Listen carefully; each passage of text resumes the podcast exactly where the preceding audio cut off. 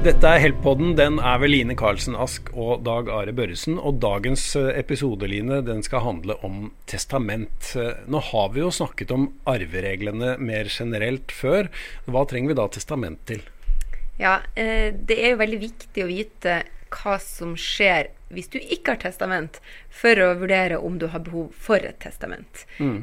Så jeg tenker at det er liksom det første du må gjøre, det å tenke gjennom hva som skjer hvis jeg ikke har et testament. Mm. Er det den øvelsen du gjør når en uh, kunde kontakter oss uh, og lurer på om de trenger et testament eller ikke? Ja, det er alltid det vi gjør. Og da vil jo loven fort si noe om hvem det er som arver deg, og om det er en fjerdedel eller to tredjedeler, litt sånn brøkmessig. Mm. men det som man kan gjøre videre, det er jo å bestemme hva eh, arvingene skal motta. Om skal, arven skal mottas i bestemte eiendeler, eller om det skal mottas i kontanter. Noen har behov for å bestemme hvem som skal overta familiehytta. Eh, kanskje det kan være viktig at det er bare én som eier hytta, og andre har bruksrett. Eller, altså de har litt sånn tanker om hva som skal skje med konkrete eiendeler. Og det kan man jo nå bestemme i testamentet etter den nye arveloven trådte i kreft. Mm. Eh, kan man si noe generelt om eh, hvem det er som kontakter oss for å få et testament? Er det bare pensjonister? Nei, det, det vil jeg absolutt ikke si. Det er egentlig Døden er jo sånn at den kan inntre når som helst i livet. Det må vi bare forholde oss til. Men det vi ser, er nok at de som har litt ulike familiekonstellasjoner, typisk mine, dine, våre barn, de kontakter oss fort for å sikre enten hverandre eller sikre barn. Eh, de som er enslige uten barn, som jo fritt kan bestemme hvem som skal arve seg, de ønsker ofte å opprette testament. Mm. At de tenker at lovens løsning ikke nødvendigvis er riktig for dem. Eh, er det mulig å si noe om hva som er den vanligste motivasjonen? Er det for å sikre gjenlevende samboer eller ektefelle, eller er det for å sikre mm, særkullsbarn, som det heter? Barn fra første ekteskap, f.eks.? Det aller vanligste som vi opplever, er nok at du vil sikre lengstlevende samboer eller ektefelle at de har et sted å bo, altså hjemme. Mm.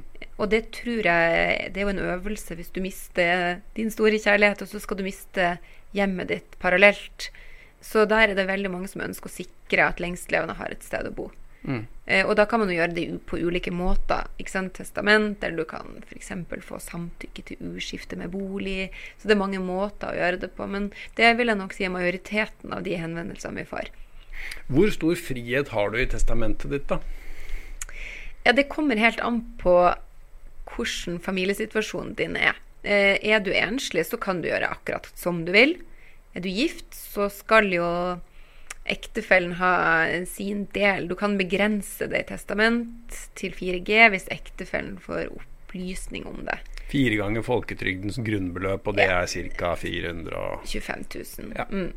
Um, men ektefellen arver jo en fjerdedel hvis du ikke har gjort det, så det her er jo mer snakk om hva du kan gjøre. Uh, men det som jeg vil nok tro at mange gjør, det er jo å bestemme litt mer konkret hvordan eiendeler, særlig det med hytten er viktig for oss nordmenn. Mm. Og det er ikke spesielt lurt å ha ti sameiere i ei hytte. Det blir fort krøll og uenighet om vedlikeholdskostnader, oppussing. Hadde noen som hadde fått kjøkkenet sitt malt rødt eh, i en periode de ikke hadde rett til å bruke hytta osv. Så, videre. så det er nok en del som gjør. Og nå er det jo også mulig å utbetale arv i kontant eh, til en arving. Så er det et barn du vet at kommer, det kommer til å bli bråkrønt, så går det an å bestemme at det barnet skal få arven i kontanter. Eh, du som advokat skal jo sørge for at for, eh, formuleringene i testamentet blir utvetydige, at, de så, at det er så lite tolkningsrom som mulig. Eh, men diskuterer du mye med klientene hva det er lurt å ha med i testamentet og ikke? Altså Det er fristende å forsøke liksom å legge føringer på neste generasjon, for du var inne på hytta. Mm. Eh, altså Det er fristende å si liksom at alle skal være venner når de er på hytta. på en måte Det er kanskje ting det ikke er så lurt lurt å ha med i testamentet også? Ja, vår oppgave er jo å redegjøre for de fallgruvene som, eh, som kan dukke opp. Og så er jo selvfølgelig vi kun inne i bildet der det skjærer seg. Så vi ser jo egentlig ganske mye Altså mange tilfeller der det går galt. Men jeg tenker jo at så lenge en testator er informert om hva som kan skje, så er det jo de som bestemmer selv. Mm. Men vår oppgave er jo å redegjøre for hva som kan skje. Og når det er sagt, så er det veldig viktig, og det sier vi til alle våre klienter, snakk om det. Tør å snakke om at du har oppretta et testament. Fortell arvingene hva du har gjort, og hvorfor. Åpenhet er nøkkelen til å unngå konflikt. Ja, og da er vi inne på noe av det som kanskje er en hovedmotivasjon ved å skrive testament, da, at du skal unngå konflikt. Mm. Og det er særlig viktig der det er mine, dine, våre barn, men eh, det er også viktig ellers, tenker jeg, at du redegjør for hvorfor er det du har gjort det, hva er det du har tenkt.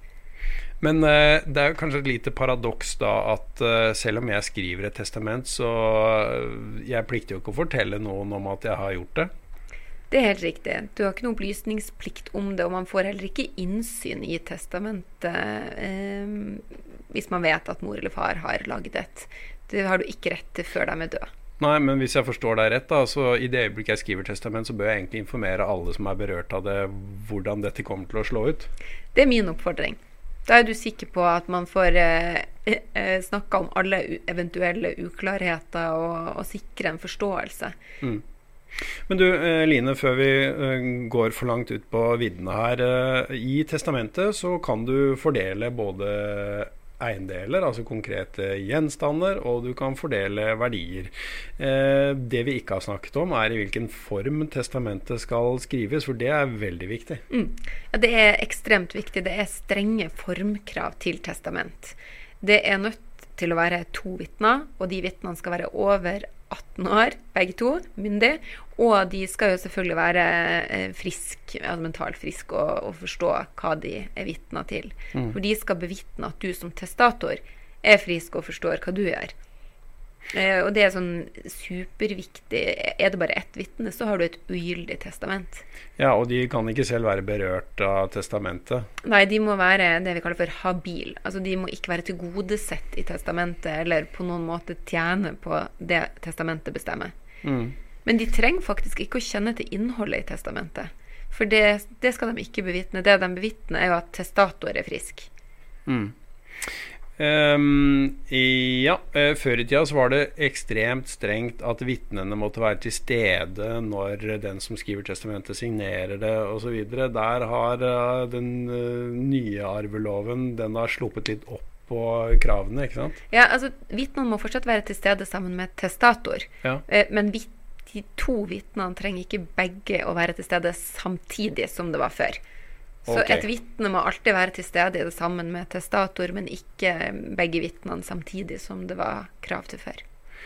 Ok, Men betyr det da at jeg kan signere mitt testament, ta det med meg til nabo 1, og så få han til å signere, og så ta det med meg videre til nabo 2 og få henne til å signere til slutt? Det stemmer. Nemlig. Um, så er det en ting som uh, kanskje kan være verdt å nevne, og det er at uh, du nevnte dette her med gjenstander og ting. Uh, noen ønsker at noen arvinger skal få um, arven sin i cash. Mm. Hvorfor det? det? Det kan jo være lurt der du vet at Altså Noen er kanskje tilbøyelig til å ta en konflikt litt raskere enn andre. Eh, eller det kan være at arvingen bor i utlandet. Det er liksom lite hensiktsmessig å komme fra Australia til Norge for å dele innbo på hytta osv. Så, videre. så er det en del arvinger som bare ikke ønsker de Kanskje er de redd for at søsknene skal lage konflikt og tenker at det er mye bedre at jeg bare får arven min i penger. Mm. Så det kan være ulike grunner til at det er lurt å gjøre det på den måten. Mm. Men siden vi er inne på eh, cash og gjenstander og hytta eh, En ting jeg tror vi ikke nevnte i stad. Eh, hytta er viktig for folk, ja. Og det betyr at jeg kan eh, testamentere hytta til min favorittdatter Line. Eh, men hvis den hytta er mer verdt enn det jeg egentlig skal ha, så må jo du da kunne kjøpe ut de andre arv arvingene, du da. Ja, det er helt riktig. Det at du får rett til å eh, beholde hytta, betyr ikke at du får mer i arv i penger, altså i verdi, enn de øvrige mm. arvingene. Det betyr at hvis det du skal arve i penger, mm. er mindre enn det hytta er verdt, så må du betale inn det overskytende. Og er du ikke i stand til det? Da får du arven din i. Da må hytta selges, og så får du arven din i penger. Mm. Så det er mer en sånn rett til at du kan få selve hytta utlagt til deg, som vi sier det i mm. verden. Du, Vi skal komme mer inn på um, arveretten til ektefeller og samboere og sånn i andre episoder. Men det kan kanskje være verdt å nevne at det fins både gjensidige og ensidige testamenter. Skal vi si bitte litt om forskjellen? Ja. Ensidige testamenter ligger jo i navnet. Da er det én person som har oppretta et. Og så har vi en del som ønsker å opprette gjensidige testamenter og felles testamenter. Eh, og da er det jo på gjensidige så er det jo fort at man ønsker å tilgodese hverandre. Og så vil du jo gjerne vite, hvis vi to hadde lagd et gjensidig testament, så, så kunne ikke du ha endra det og sagt at nei, nå blir Oline arveløs, uten at jeg visste om det. Så den gjensidigheten, at vi to gir hverandre noe, mm. um, som mange, særlig ektefeller og samboere, er det jo som gjør det. Ja, for det er særlig viktig kanskje for samboere å ha et gjensidig testament som tilgodeser hverandre mest mulig. Ja, det er det de fleste gjør. ikke sant? De oppretter det sammen. Og så har man kanskje felles barn og har lyst til å bestemme sammen hva som skal skje eh, mm. der. Hvis du skal sitte i uskifta bo, så er det jo greit å ha liksom, en felles plan for hva som skal skje når lengstlevende dør. Mm. Ja, og, og, grunnen til at vi snakker om testament og samboere, er rett og slett fordi at samboeres arverett er ganske dårlig. Ja, det er den. 500, nei, 425 000 er ikke mye penger. Nei. Eh, helt til slutt, eh, Line, i denne episoden om testament, hvordan skal man oppbevare testamentet? Ja, og det er veldig viktig. Du kan jo oppbevare det hvor du vil. Men tingretten tilbyr ei deponeringsordning. For 936 kroner så oppbevarer de testamentet for deg. Og da dukker det jo automatisk opp når du er død. Eh, så vi anbefaler sterkt at alle oppbevarer testamentet hos tingretten.